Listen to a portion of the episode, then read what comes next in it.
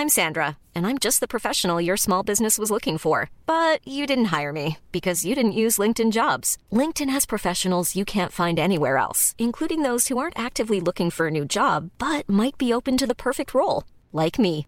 In a given month, over 70% of LinkedIn users don't visit other leading job sites. So if you're not looking on LinkedIn, you'll miss out on great candidates like Sandra. Start hiring professionals like a professional. Post your free job on linkedin.com/people today.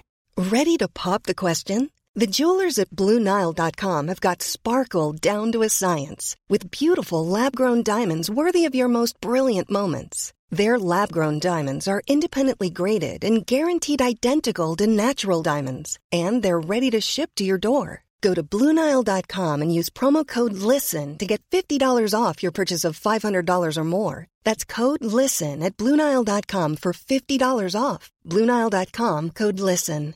Quality sleep is essential. That's why the Sleep Number Smart Bed is designed for your ever evolving sleep needs. Need a bed that's firmer or softer on either side? Helps you sleep at a comfortable temperature? Sleep Number Smart Beds let you individualize your comfort so you sleep better together. JD Power ranks Sleep Number number 1 in customer satisfaction with mattresses purchased in-store. And now save 40% on the Sleep Number limited edition Smart Bed for a limited time. For JD Power 2023 award information, visit jdpower.com/awards. Only at Sleep Number stores or sleepnumber.com. The word fail. Does it sound scary to you? It shouldn't. It's totally necessary for anyone who wants to develop and learn. Today, we're going to talk about how failing can even be glorious.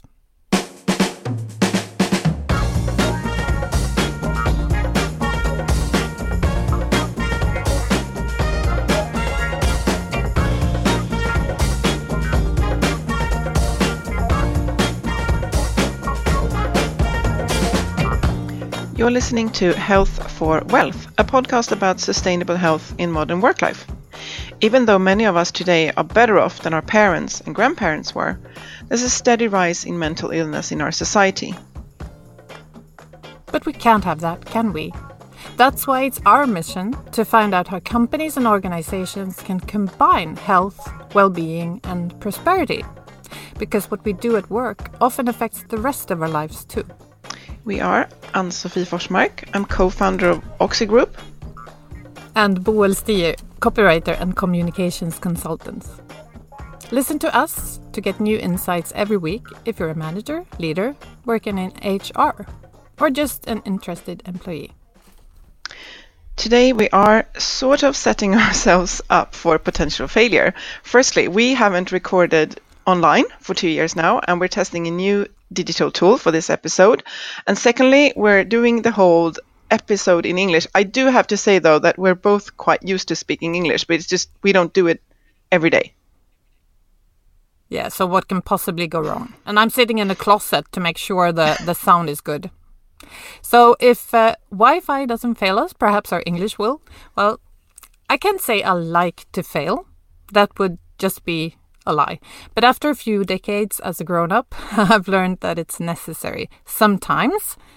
Still, it's never welcome or easy. But perhaps that will change after talking to our guest today. A warm welcome to you, Josh Len. Thank you so much. Thanks for having me, Boel and Ann-Sofie. It's great to be here. Great to have you. And um, you're an actor, but you're also a, trans- a transformational coach. Can you can you describe what you put in the description of a transformational coach? Yeah, that's a great question. I, I think I'm really passionate about helping people grow and develop. Uh, and uh, that often comes with some transformation. That means we change. So I like to bring the best of what I've learned as an actor to companies, teams, leaders, essentially to help them really be more bold and confident. Yeah, and that's the name of your company, Bold and Confident. And you, you also teach presentation and collaboration at the Stockholm School of Economics Executive MBA program. Wow, that was a long that was a long sentence. yeah, it's a mouthful. And we've seen, or at least I've seen the pictures online where you're together with a group. Uh, you've you've had a session called something like "Failing Gloriously," and everyone looks so happy. A bunch of people just laughing. How can how can you make them like this, Josh? what do you do? well, uh, I mean, no one likes to fail, right? Uh, it it never feels good. It hurts. And uh, in failing gloriously, essentially, it's about rewiring our mindset towards failure. So instead of seeing failure as a problem, we see it as an opportunity. So we fail gloriously. And uh, we really celebrate failures. Uh, and when we can do that, uh, we can actually start to uh, release something uh, where we're really hard on ourselves uh, and we don't want to fail. And often what we release is tons of creativity and joy and authenticity, and it just feels so good. Uh, so the sessions are often, you know, full of laughter, and uh, and that's why everyone looks so happy at the end. So, what can you give an example of what you're actually doing during these sessions? Because I would assume that um, some people come in and they're like, "Yeah, I'm ready to fail," and and some people will be quite hesitant. So, um, what do you do, and how do you cater for those different sort of mentalities when they come in? Yeah, I would say the f- big majority of people are freaked out in the beginning, um, and uh, you know, I, I, what we really do, and I would say the first, the full version of this session is three hours, and I would say the first forty-five minutes is pretty much dedicated to failing so uh, you can't just talk about failure, you have to experience it. So I do a lot of different interactive exercises that are really set up for you to fail in a very low stakes way. Uh, and uh, we go through the process of what does it feel like when you actually love it. It feels super awkward in the beginning to actually cheer for failure, but we we cheer, we clap, we celebrate, um, and then all of a sudden, it's this huge release. And uh, so we, we have to experience it a lot. I mean, because I, am assuming you two can be pretty tough on yourselves, right? Can you be hard on yourselves? Yep. Yeah. Yes. uh, happens. Yeah, happens too. Uh, same with me. And, uh, you know, we've got this ruthless inner critic and we want to get it right and we want to succeed. And if we don't, we can often whip ourselves. So by practicing celebrating failure, it's that rewiring and it can often lift that inner critic a bit and we can be a little bit bigger and a little bit bolder. And that's really what I want for everyone who comes through who I work with. I, I, feel that I totally long for all these feelings that you describe uh, after having learned how to love fail- failure um, but there's also a lot of um, fear. And I mean, three hours, I'm amazed uh, by it's quite a short amount of time to make a group of people really show themselves naked, mm, if you see what yeah. I mean. So, how, how do you do that? Because I guess people come in there and sometimes there's even rivalry in a group, sometimes it's a group working well together. Mm how, how do you make them there? Yeah, uh, that's true. Uh, sometimes I can work with, with teams that are pretty beat up. They've been through a lot of adversity. And sometimes it's a room full of complete strangers. Uh, and it's like, whoa, who are these people? Um, so there's a quote that I love uh, by John Cleese is nothing will prevent you from being creative so effectively as the fear of making a mistake. Uh, does that resonate with you? Yeah. Yeah. A little bit, yeah. Like so, if we we have that fear of of failing, we often hold back our big ideas, and I think you can actually replace creative with uh, passionate, um, authentic. Uh, you know, the, we hold ourselves back as people when we have this fear. So um, the way I do it is uh, by creating an atmosphere where it's safe to fail. And in order to do that, I really need to model that myself. So uh, I need to be ready to fail. I need to be pushing myself deep out of the comfort zone and and show that hey, it's it's fun here. you know what I mean? And it's safe here. Uh, we can all go here together. And so um, uh, I really have a really high tempo sessions. Uh, everything is experiential. You only sit down for literally the first 10 minutes, and then the, t- the next two hours and 50 minutes, we're on our feet. And next thing you know, we're all getting swept up in this energy where uh, it is totally okay to show yourself. And not only is it okay, but we're going to celebrate you. And I think uh, I've been doing it so many times now. I've fi- kind of found a good process um, where it's we slowly get there, and then all of a sudden we're there, and it's kind of like a fire, the full fire. You know, I kind of look at myself as one of those little fire starters you put in the fireplace to light all the wood, uh, and then once it gets lit, you know, it's roaring and uh, it's wild and it's fun, wow. and people really dare. So it sometimes it can take you know uh, 10, 15 minutes. Sometimes it can take like 30, 40 minutes to get there, depending on where people are at and where the team is at. But we usually get there. So you've done this for a few years now, and you you trust the process. Yes, yes, I trust the process. Absolutely. I, I think a lot of people, first of all, if they're attending the session, unless their their manager told them to be there, and they, you know, uh, but if they want to be there, they're ready to go through this process, even if it's scary. Um, both me and Bo are very fascinated by behavioral science and taking, you know, behaviors back to your normal life. Uh, what's the key to um, when you have that energy and you feel brave and you feel ready to fail as a part of learning, and then you go back to your workplace? What's the key to transition the insights they get through your sessions and then applying them in their normal life again? Yeah, great. Um, not always easy to do, right? Because uh, a lot of the structures we work at, uh, we don't want to fail. And uh, a lot of people I deal with feel like, oh, it's not okay to fail at work. However, we fail. You know, it's failure's undefeated. It gets all of us. Um, and I always like to say it, it's the culture that we create around failure that will define our success, right? Because failure is not the opposite of success. So I think in order to keep it alive back at work, is one, um, we need to be, you know, uh, leading failure as people. And that means what we normally do with failure is we either shame it or we sweep it under the rug and pretend it didn't happen. So, one is we need to be more open about our failures. We need to own them. We need to talk about them uh, as a group and, and really try and celebrate them back in your weekly meetings and figure out, hey, what, what can we learn from this, right? Um, and try and see what are the gifts in this failure. Uh, that's one thing.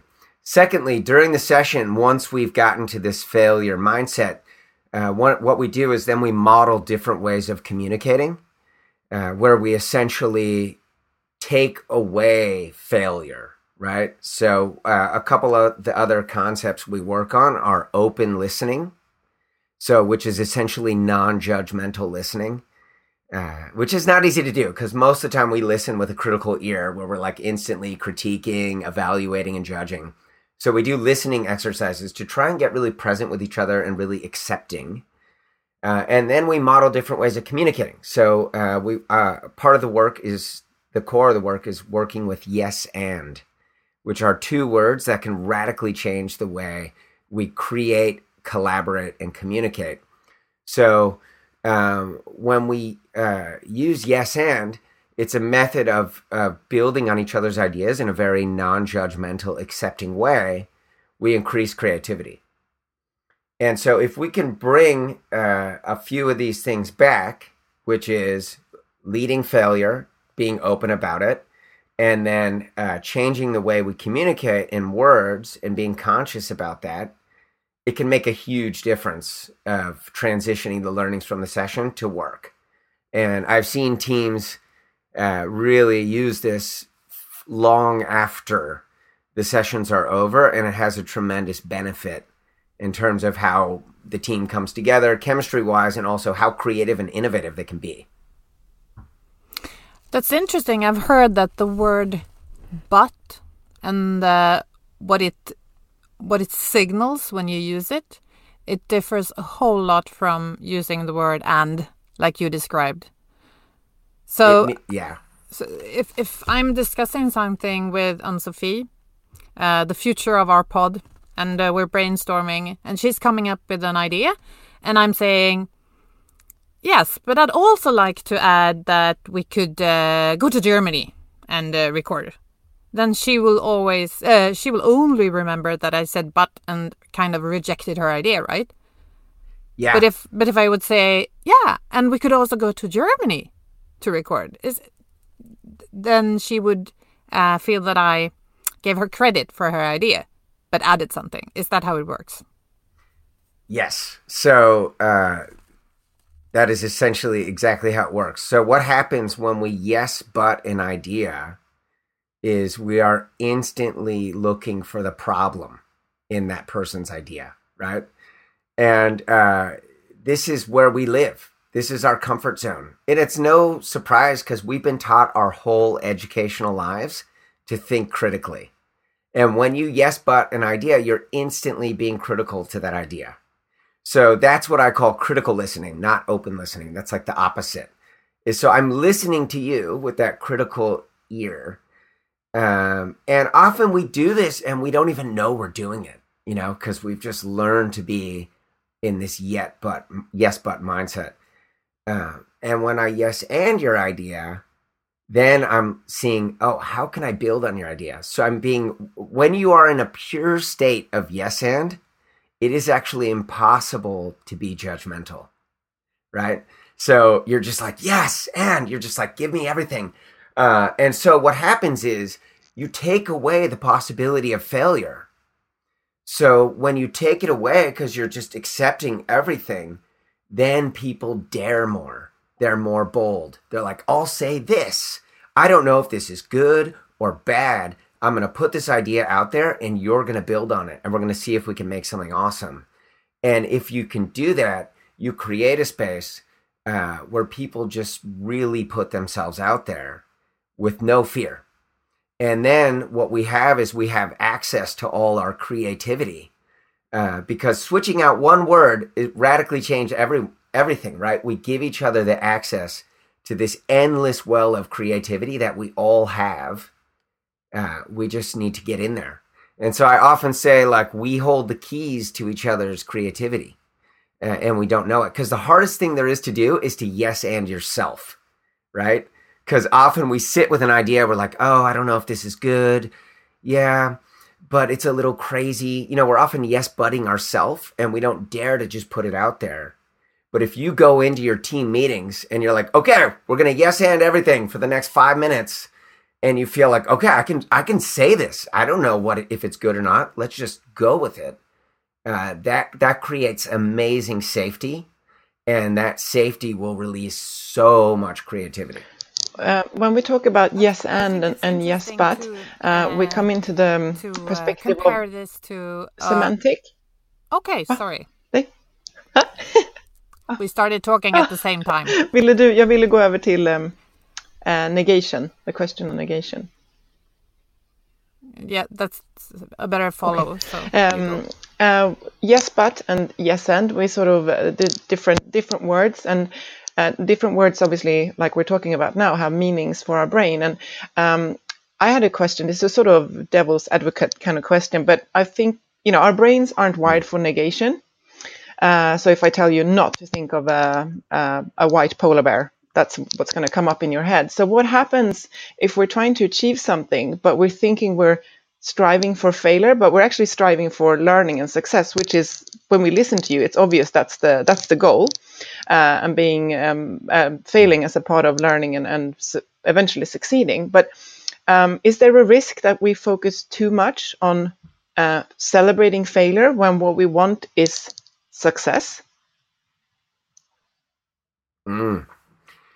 Yeah. So this is actually something uh, people ask about all the time, and um, like I said earlier, a lot of companies, a lot of companies that have that I have worked with in the past are like, can we change the name of your session?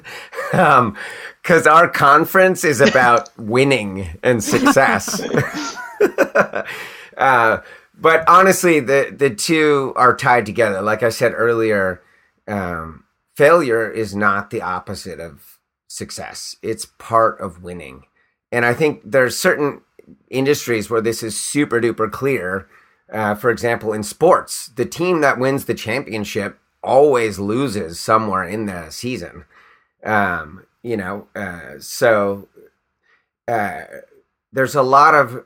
I th- I think what I'm not saying is like, hey, you have to just focus on failure. Um, but as we strive to win, there are going to be failures along the way. And how we deal with those can really define our success. So there's different ways of, of kind of dealing with failure. Um, I recently saw Shawn Achor. Do you know who that is? He did this. He's a Harvard professor and he has this TED talk on happiness. Um, he has this concept of failing up, which is a way of learning to be resilient. And he says there's three responses to failure. One is you just kind of circle around it and get stuck on that failure. Secondly, you let it bring you down. Or third, uh, you use that failure to help you grow and become stronger. And that's really the goal of failing gloriously is uh, using failure as fuel to help you grow. So you don't just bounce back, you bounce forward. And so uh, as we strive to win anything or have success, the way we, I, I think the way we deal with those little mini failures that come can mean everything.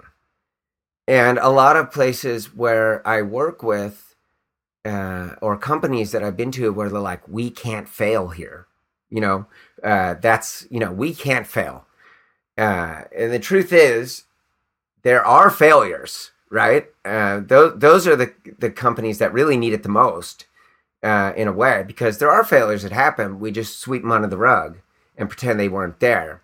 And what happens is when you have an environment where failure is not accepted, is people walk around tense because uh, they want to get it right, they want to succeed, and that can often hold you back. And even like I would say, even some of the most innovative CEOs, you know, on earth, like for example, Elon Musk is a great example.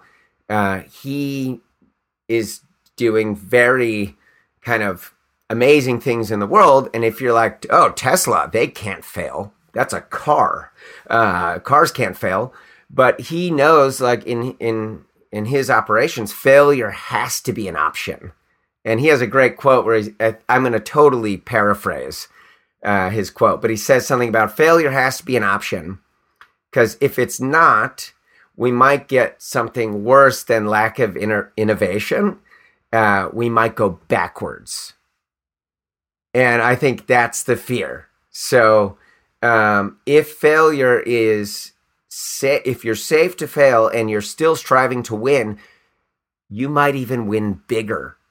You know, those failures often lead to bigger wins because that's how we learn stuff. What does your inner critic tell you? Are, are you ever afraid of failing yourself? And, and what do you do then? Oh my God, I'm afraid of failing all the time. Uh, uh, and um, yeah, I uh, I think the practice. Uh, this is actually really present on my mind right now um, because there's so many changes going on in the world. Uh, this comes up for me all the time. I'm afraid uh, of failing, uh, putting myself out there in many ways, and I think that the practice of failing gloriously uh, is something that I do quite a lot. And so it helps me uh, to be more bold and to go with it. And, um, you know, to uh, sometimes you can even rehearse failure ahead of time. So um, you can really, before you dare to do something, you can rehearse it and say, okay, well, what's the worst thing that's going to happen if I do this and it fails? Well, uh, and then you can kind of go through the steps. So that can help you be like, hey, I'll survive. I'll live. I'm going to put myself out there anyways. Um, and I think that one thing that's nice for me is even though, uh, I mean, my inner critic held me back for years. You know, there were years where I didn't dare and I really played it small. And those were some, when I look back, those, those were some really painful times where it felt like I gave up years of my life uh, living kind of inauthentically, uh, you know, doing work or that wasn't really connected to me. And uh, it hurts, you know, it hurts to know that that inner critic really couldn't go big for a long time. And uh, I think the nice thing is when your inner critic is there and you dare to do stuff anyways, uh, you start to prove to yourself, hey, I can do, I can do some stuff, right? Uh, and then if you do have some failures along the way, and you're like, okay, you get back up, you try to celebrate it, even though it hurts. You're like, what is the gift in this? Uh, and you you get back on the horse and you go big again then you start to show yourself like uh, I can do this. I can do big stuff in the world, or at least big stuff for me. And you start to build more confidence, and you start to say, "Hey, I can dare more and more all the time." Uh, and um, and that's why failing is so good. Is you start to rack up the failures. Uh, the more and more you celebrate them, and the more failures you have, the the less afraid you are of them. Hmm. Um, so it's because, about practice. Yeah, it's really about practicing. So I'm not saying I look forward to failure. Uh, it's not like yes, I failed, I love it uh, all the time because sometimes it really hurts, and uh, it can even mean your livelihood. It can be money. Big failures like um, some of the ones that are happening to me right now uh, in my business during COVID nineteen. Uh, but uh, if we start to see the gift in them and celebrate them, then we can start to look for possibilities, right? And that's really what being resilient is.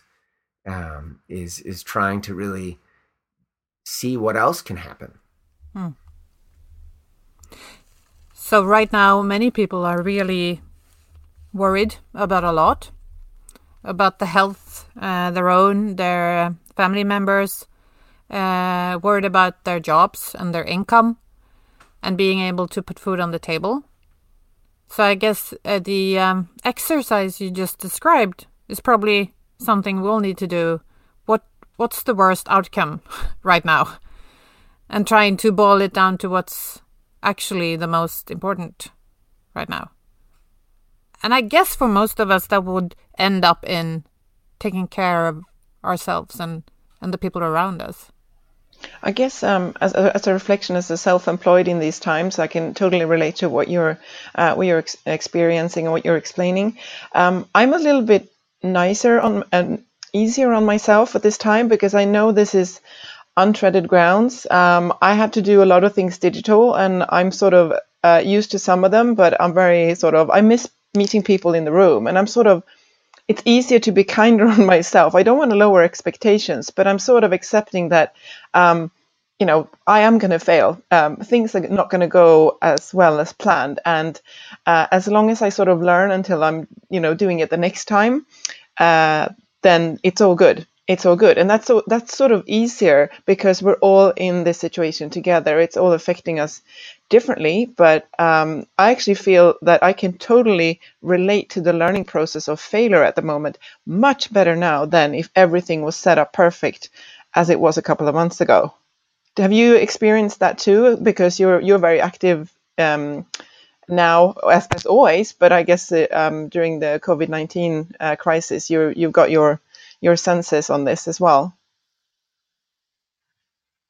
Yeah, definitely. And, um, you know, I've been experiencing uh, a lot of failure, so to speak. I mean, I lost all my business uh, in 48 hours. I, I mean, I mean, I work in the live events and workshops and talks uh, kind of business. So in 48 hours, I had every job canceled except one uh, that we tried to do online.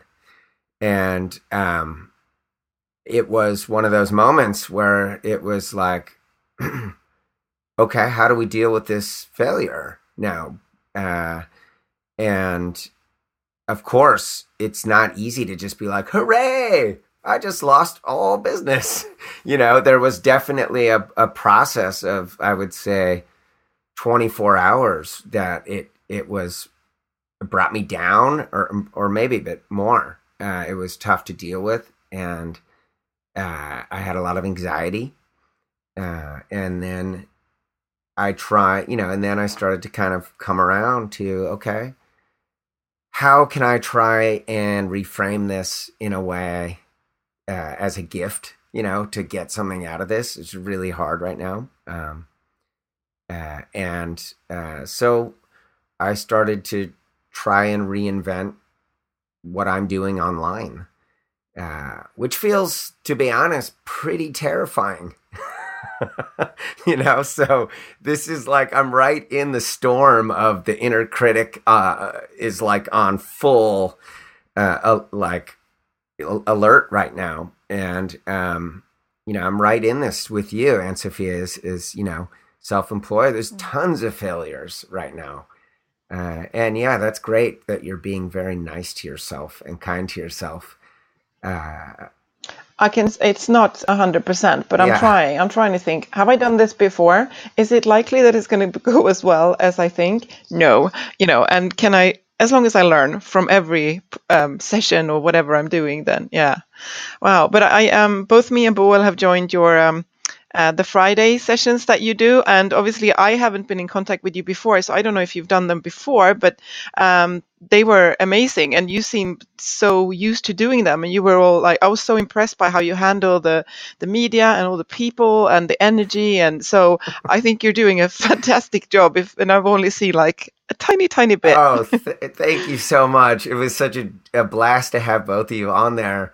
Um, I can tell you, I, I was more nervous for that first Fire Up Friday than any speaking gig I've had in the last couple years. I was terrified. Uh, I was running around my house like stressed out.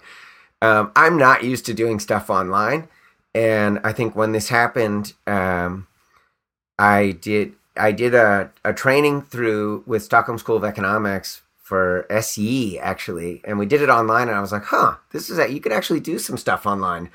I'm just gonna give away this fire up Friday thing, give away energy. That's what I do, and that you know, I want. I I felt like I could give stuff to people and see how this works. And um, yeah, I was ready to fail big time. So I'm glad you uh, felt it went well. Um, but I, it, yeah, I really enjoyed dancing in front of my screen with I don't know 40 50 other people from from everywhere. Because uh, sooner or later um, I found myself in a breakout room. I didn't know that digital tools could create that. Uh, so uh, for a few minutes I was uh, doing the uh, and no what's the name of the yes and? Yes yes and.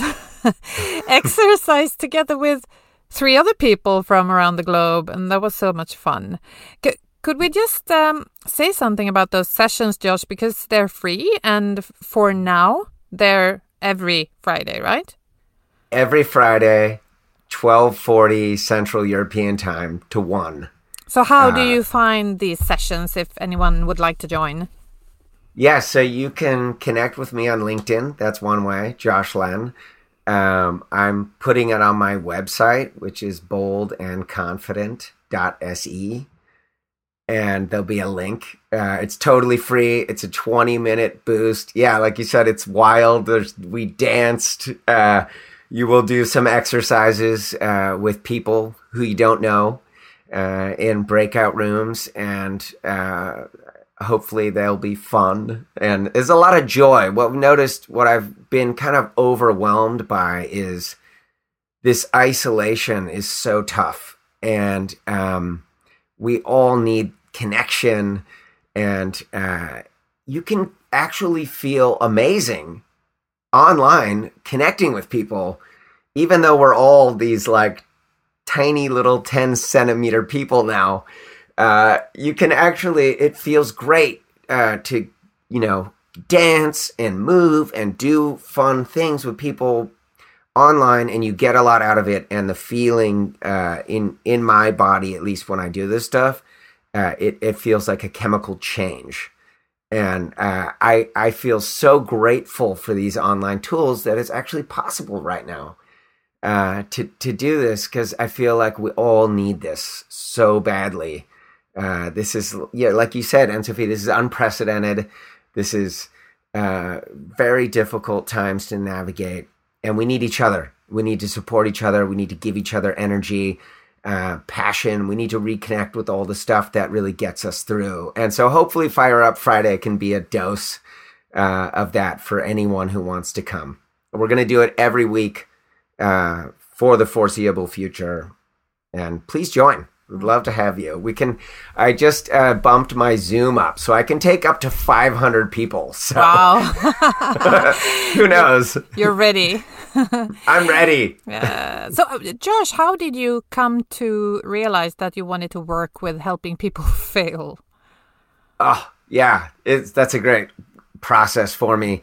So I can tell you a little bit how this work came into my life. Uh, I took my first class in improvised theater when I was about 20 years old. And uh, this was in San Francisco, where I'm from. And uh, it was adults, all different ages. And uh, I really wanted to try it because I was like, oh, this, this looks fun. Um, and I was so terrified. And the whole class was really terrified. And we had this really tough teacher from the South. She was very intimidating. And um, she would just kind of like stand on the side, give us an exercise and stand on the side, just watch us with her hand on her chin. Uh, and we were so afraid collectively as a group to make a mistake and to go in and do something wrong and show ourselves.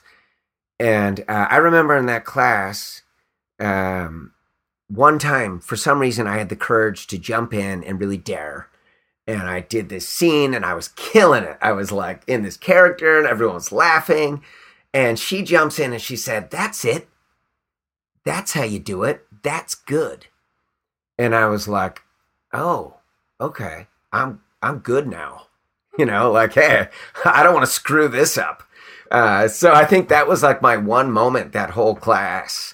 Uh, I don't think I ever really dared again and in any way. And it was not a fun beginner class to have.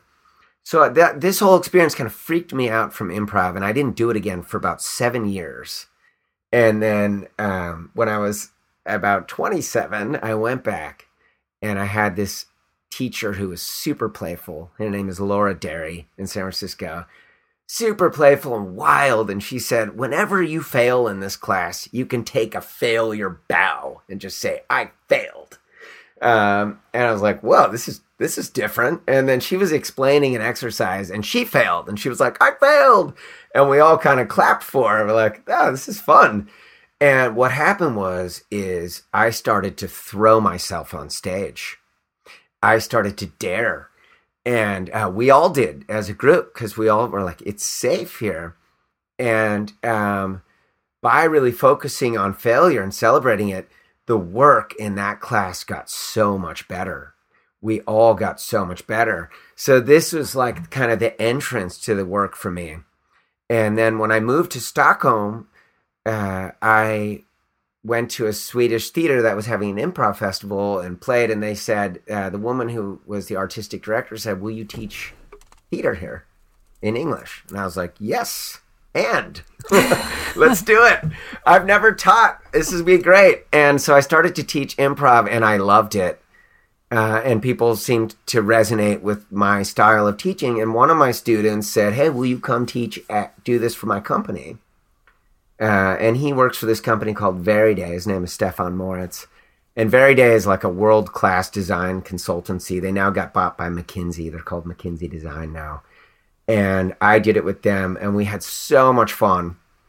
And uh, I've been working with them for like eight years now. Um, and they're my some of my absolute favorite people. Uh, and then I started to love the work, and I was like, wow, uh, you know, I love acting. Acting feels like it's more for me. Like uh, you know, it's a challenge for me, and you know, I'm. Uh, but when I'm doing this work, I feel like I'm actually giving people something, and I'm contributing to the world. And I see when I see people embrace the work and really take it on and become more, uh, more comfortable being themselves, then I feel like, oh, I've done something in the world that feels mm. good. So that's kind of how my long story of how I got here. Uh, and so about three years ago, I fully embraced it, and I'm like, I'm going for this. Because uh, for a while, to be honest with you, for a while, it took so long to build an identity as an actor. This corporate work I was doing, I kind of hid it down deep. I'm like, oh, I'm an actor. I can't do work with corporates.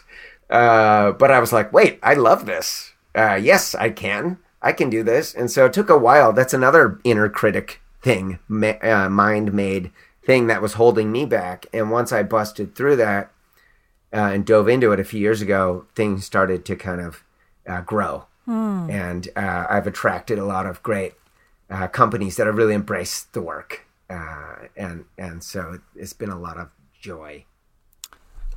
Well, well done, Josh, to to you know going through the process and uh, accepting. I mean, cause I, I, know what you mean. I'm. Uh, um, for example, I used to be a journalist, and for some people, it's it's like a better thing to be a journalist than actually selling your communications uh, uh, services, like I do now. But I think if if you're in between those uh, worlds where like the status of one thing is higher in in some parts of the world or together with some people. I guess that if you yourself are happy with your choices, uh, the world will usually respect those choices too. But when you're not sure about the choices you've made for yourself, then you signal this to the world and then it becomes strange, right? I totally agree with you. Uh, and this is such a challenge because to really uh, live authentically, right? When we're when we're in this society that puts labels on things and status on things. Uh, and I know there's so many people out there struggling with this because I used to be one of them. Uh, I was holding myself back, not really daring, and even when I started doing acting, um, you know, this is a whole long story, uh, but you know, uh, I didn't really. I knew I wanted to do it, but I didn't start till I was 27 right? Really. And um and then I don't even think I ever dared the way I'm daring now. So, uh, you know what I mean? And I think so this process of really saying, "Hey, I want to live authentically." and really tune in to to what your passion is and who you are it's so hard and uh, that's really where the inner critic comes up and all the voices from how we were grown.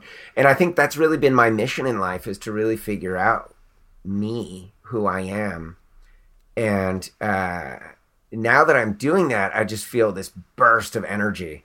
And i think that's really what i want to give others is a lot through the work i'm doing is i'm giving people like a supercharged version of what i needed uh, to really tune into myself uh, in a way, and um, and that's why that's really why I'm focused so much on on failure. Uh, to be honest with you, that's why it's so at the core of the work.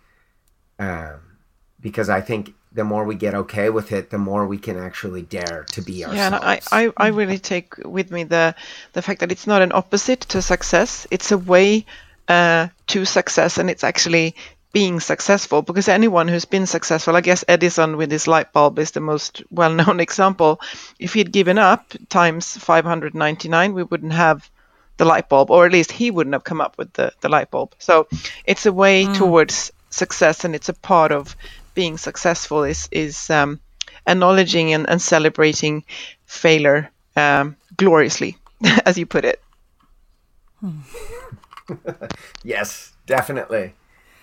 We definitely. I asked my followers or my network uh, on LinkedIn uh, yesterday, I think, what they wanted to ask you, Josh. And one of those questions I got, I think you read it too.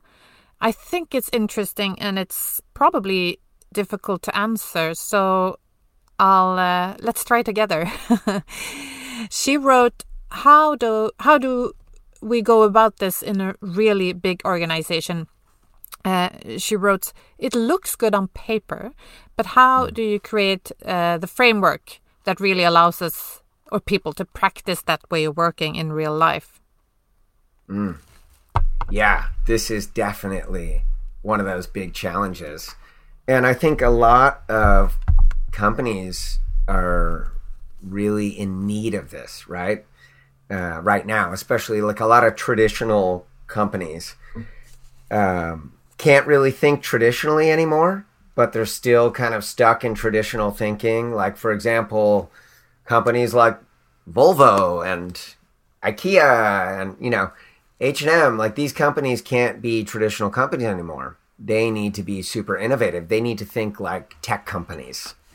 Uh, yet they don't have the framework. So I think first of all, uh, I'm, and I'm not saying I have all the answers here, but I think it really is a, a big leadership issue. It needs to start with leadership. We need to lead failure.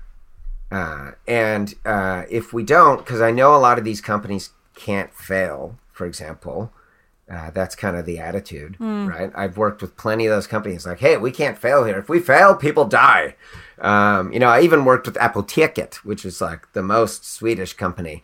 Uh, yet in business, we have failures. And so I think if you really, if, if some of these companies don't start to lead failure, be open about it uh, as leaders, put it out there, dare to be vulnerable and, and talk about their failures, they're going to be uh, irrelevant, you know. And I think we've seen that with some of the biggest companies.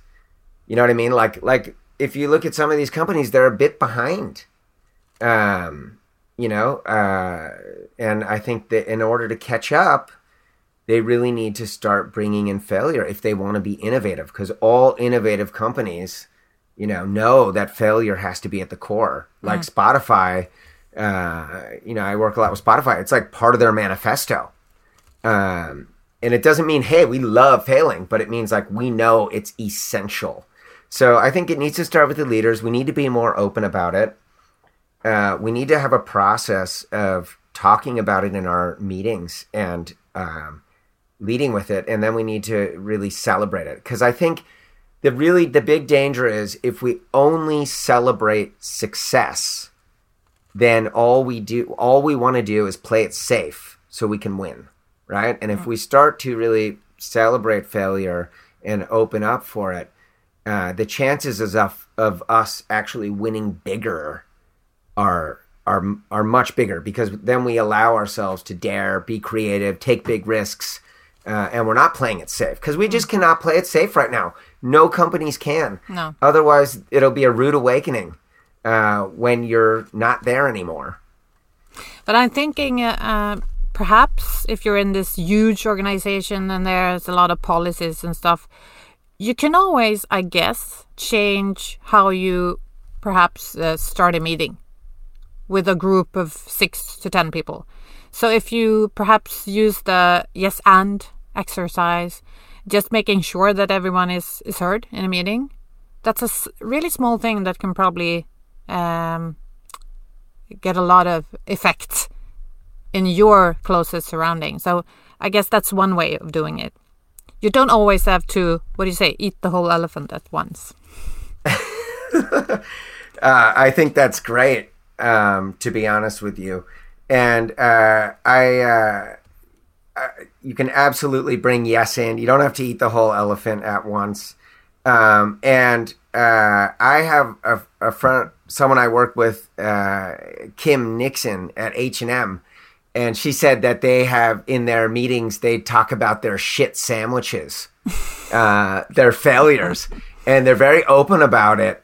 And uh, I think that is wonderful uh, to have sessions where we just take away this stigma and shame of failing, and we're just like, hey, this is how we failed. This went wrong.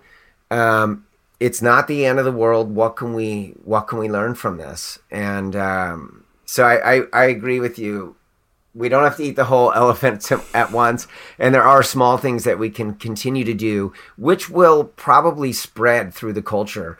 One of the things I love about Yes and is when you actually work with a group that yes ands a lot, their positive energy becomes so contagious uh, that group becomes magnetic. And you're just like, oh, I want to be with these people. uh, they're yes and people. and so uh, it can just take over the yes buts. Uh, you know what I mean? And and I think it, you know, it's like it's a snowball effect. It's just like passion. You know, passion's contagious, and yes and's contagious, and all these good things just send out ripples and waves into an organization. So, um, if you feel that you're in an organization where like, oh, this doesn't work in real life, instead of letting it beat you down and getting you stuck, try to be that leader who uh, who models it uh, that I can lead with failure, I can yes and, I can bring this energy out and see what happens. Because I, I think you will attract people and I think it will make some noise. uh, because I one of the things I, I definitely think is you can't expect a culture to happen to you. Um, you have to create it. So if you want this culture where failure is uh, accepted and you want this yes and culture, you need to model what that looks like on a daily basis. You need to show up creating safe environments, bringing positive energy, uh, and being that person. So either we're managers or not, we can all take responsibility and set that snowball in motion with small things every day, right? Definitely. So thank you so much, Josh, for coming today. And this has actually been a really good session. We didn't fail that much, did we? No, I don't think so. Is that okay if we just skipped failure and just went for success? just for this once. We failed to fail. Well, I, am sure I missed a few words here and there, but I, I think uh, I really enjoyed this um, this talk, and um, I will take the uh, the yes and with me also when talking to myself these days when when at least I am working from home a lot and not meeting other people all the time. Uh, our partner, motivation.se, Sweden's leadership site or Sveriges ledarskapssite, they have an article about exactly what we've been talking about today how vulnerability and courage go hand in hand. So uh, you can find a link to that article uh, in this episode notes. And in that article, you can find out more about how you can avoid letting fear rule your life. And that's what we've been talking about today. Yes. Thank you so much, Josh. I've also really, really. We would like to thank our partners Motivation.se and Agda Media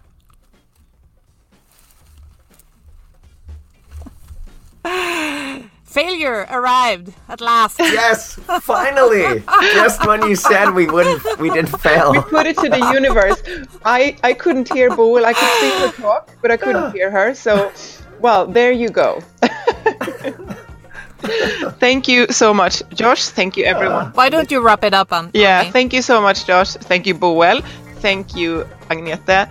And thank you, everyone, for listening. And please uh, keep the discussion going. And please um, take care out there. Thank you. Bye. Bye. Thank you for having me.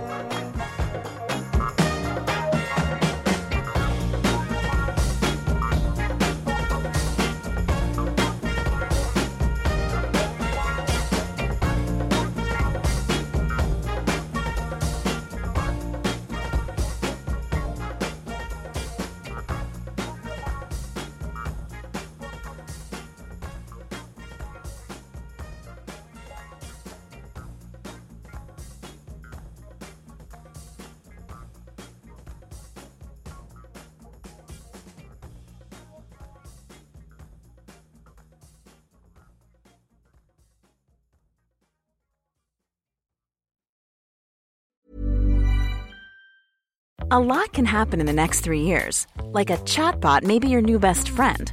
But what won't change? Needing health insurance. United Healthcare Tri Term Medical Plans are available for these changing times. Underwritten by Golden Rule Insurance Company, they offer budget friendly, flexible coverage for people who are in between jobs or missed open enrollment. The plans last nearly three years in some states, with access to a nationwide network of doctors and hospitals. So, for whatever tomorrow brings, United Healthcare Tri Term Medical Plans may be for you. Learn more at uh1.com. Mom deserves the best, and there's no better place to shop for Mother's Day than Whole Foods Market. They're your destination for unbeatable savings, from premium gifts to show-stopping flowers and irresistible desserts. Start by saving 33% with Prime on all body care and candles. Then get a 15-stem bunch of tulips for just $9.99 each with Prime. Round out Mom's menu with festive rosé, irresistible berry chantilly cake, and more special treats. Come celebrate Mother's Day at Whole Foods Market. Hey, it's Paige DeSorbo from Giggly Squad. High quality fashion without the price tag. Say hello to Quince. I'm snagging high-end essentials like cozy cashmere sweaters, sleek leather jackets, fine jewelry, and so much more. With Quince being 50 to 80% less than similar brands. And they partner with factories that prioritize safe, ethical, and responsible manufacturing. I love that. Luxury quality within reach. Go to quince.com slash style to get free shipping and 365 day returns on your next order. Quince.com slash style.